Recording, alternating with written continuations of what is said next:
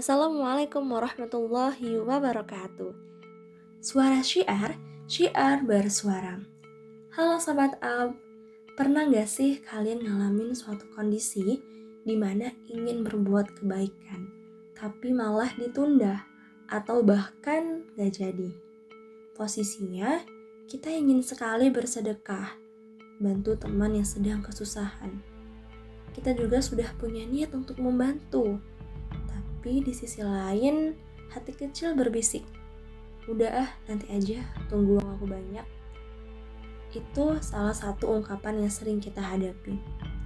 Contoh lain saat mendengar azan berkumandang kita udah berniat untuk segera ambil wudhu. Eh malah jadi kebablasan scrolling media sosial sampai akhirnya habis waktu.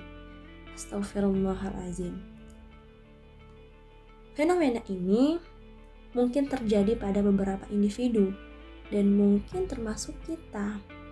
Kenapa ya? Rasanya sulit banget untuk menyegerakan kebaikan. Atau karena kita merasa punya banyak waktu kali ya, sehingga kita lalai dan seolah-olah merasa punya esok hari untuk melakukan kebaikan. Nanti aja deh sedekahnya, kalau aku udah sukses. Bentar deh sholatnya, mau beresin ini dulu, tanggung, dan masih banyak alasan-alasan lainnya.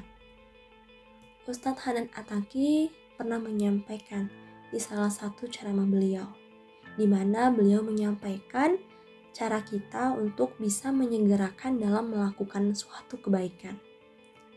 Yang pertama, ingat bahwa nggak ada waktu yang lebih tepat untuk melakukan suatu kebaikan selain saat ini juga.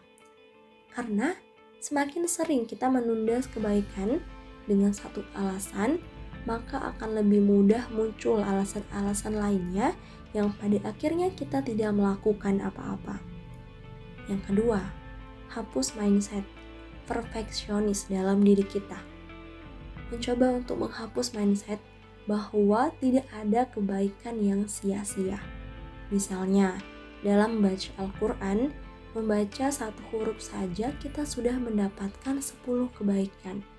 Jadi, ketika kita dihadapkan pada kondisi di mana adanya keterbatasan waktu untuk membaca Al-Quran, hingga membuat kita tidak bisa membaca setengah halaman ataupun satu juz, itu tidak apa-apa, selagi kita masih menjalankannya.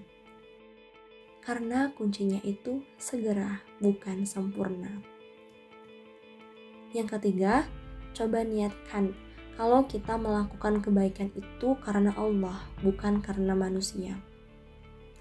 Ketika kita berbuat baik kepada manusia, maka kebaikan yang kecil sering kali kurang dihargai atau bahkan cenderung dilupakan.